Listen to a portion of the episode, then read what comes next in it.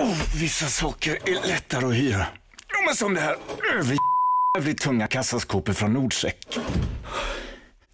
Men när du hyr från Nordsek, ja men då får du kassaskåpet levererat dit du vill. Och du kan byta storlek om behoven ändras. Ja, se hela sortimentet på nordcheck.se.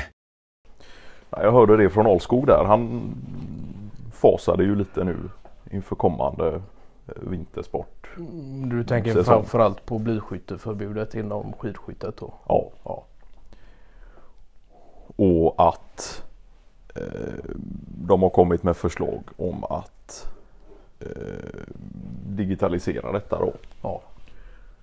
Och helt skrota eh, miljöfarliga blykulor då. Just det. Men hur fungerar den typen av digitaliseringsprocess när det kommer till prickskytte? Ja det är ju en bra fråga. Där, där krävs det ju en extrem precision. Eh, För fördelen med blykulor det är ju att det är fysiken som styr. Ja just det. Och de fysiska lagarna ljuger ju sällan. Och där är det är väl ja, mm, Ålskogs eh, ja, tankar om det hela då att ska detta styras av elektronik och sådär så vet man ju inte vem som sitter där och knappar in träff eller bom och Ja, det är ju klart att det finns ju risktagning även i det eh, såklart. ja, Och det tror jag att vi i allt för hög grad i samhället idag litar oss just på den typen av digitaliseringsfaser. ja, Sen är det ju klart i i det miljöanknytet och att den här blykulan då förstör naturen på det viset. Och det är klart att någon typ av gummikula kanske hade varit att föredra som sedermera kan returneras då. Sen är det, nu är det väl inte någon större typ av rekyl när det kommer till eh, blykulor. Nej. Eh, Men det är klart att tar man bort Frågan är ju upplevelsen blir också för idrottsutövarna. När man vet att det är digitaliserat. Och om det gör att det blir än mindre som en sport och, och sådär. Ja, precis och frågan uppstår om man har skjutit eller inte.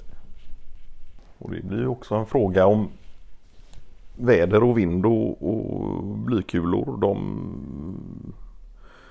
det är klart att de blir påverkade vid kraftiga vindar och snöfall och, Ja, ja. och sådär. Och det finns ju klart kunskap för detta eh, även hos skidskyttarna Ja. då att just Göra beräkningar och beräkningar utifrån vind då. Ja. Ja. Och det är ju synd att den typen av kunskap ska gå förlorad på grund av den här typen av Och skulle det här digitala systemet haverera. mitt i tävling. Ja, Ja. då är det klart att då finns det ju Resultat de har kämpat för i åratal. Ja. Ja. Nej det är ju klart det finns nog både ja och nej-sägare i den frågan. Ja. Och när det kommer till miljöhänsyn så är väl Fahlén en förespråkare för byte från eh, blykulor till digitalisering. Ehm,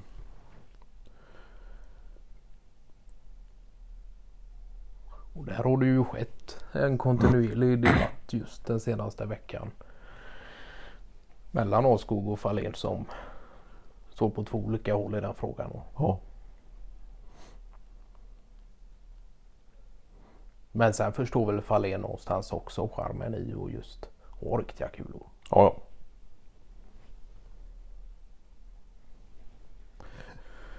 Men det är väl över, överlag lite så att Alskog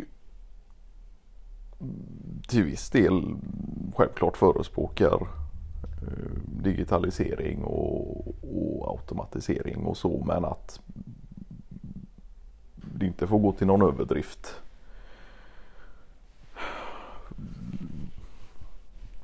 Vare sig när det kommer till arbete eller eh, ja, idrottsverksamhet. Eller? Särskilt inte kanske många års intränad eh, eh, erfarenhet när det kommer till prickskytte. Nej. Nej. Nej men så det återstår väl att se vad de har tänkt att göra här om det Ja. Men är detta någon förändring som skulle träda i kraft redan i detta års säsongs skidskytte eller mm. det kanske är en pågående diskussion skidförbund emellan och sådär så får man ju se. Sådana saker tar ju oftast lite tid också. Och gå från idé till utförande. Men det kan ju bli spännande att se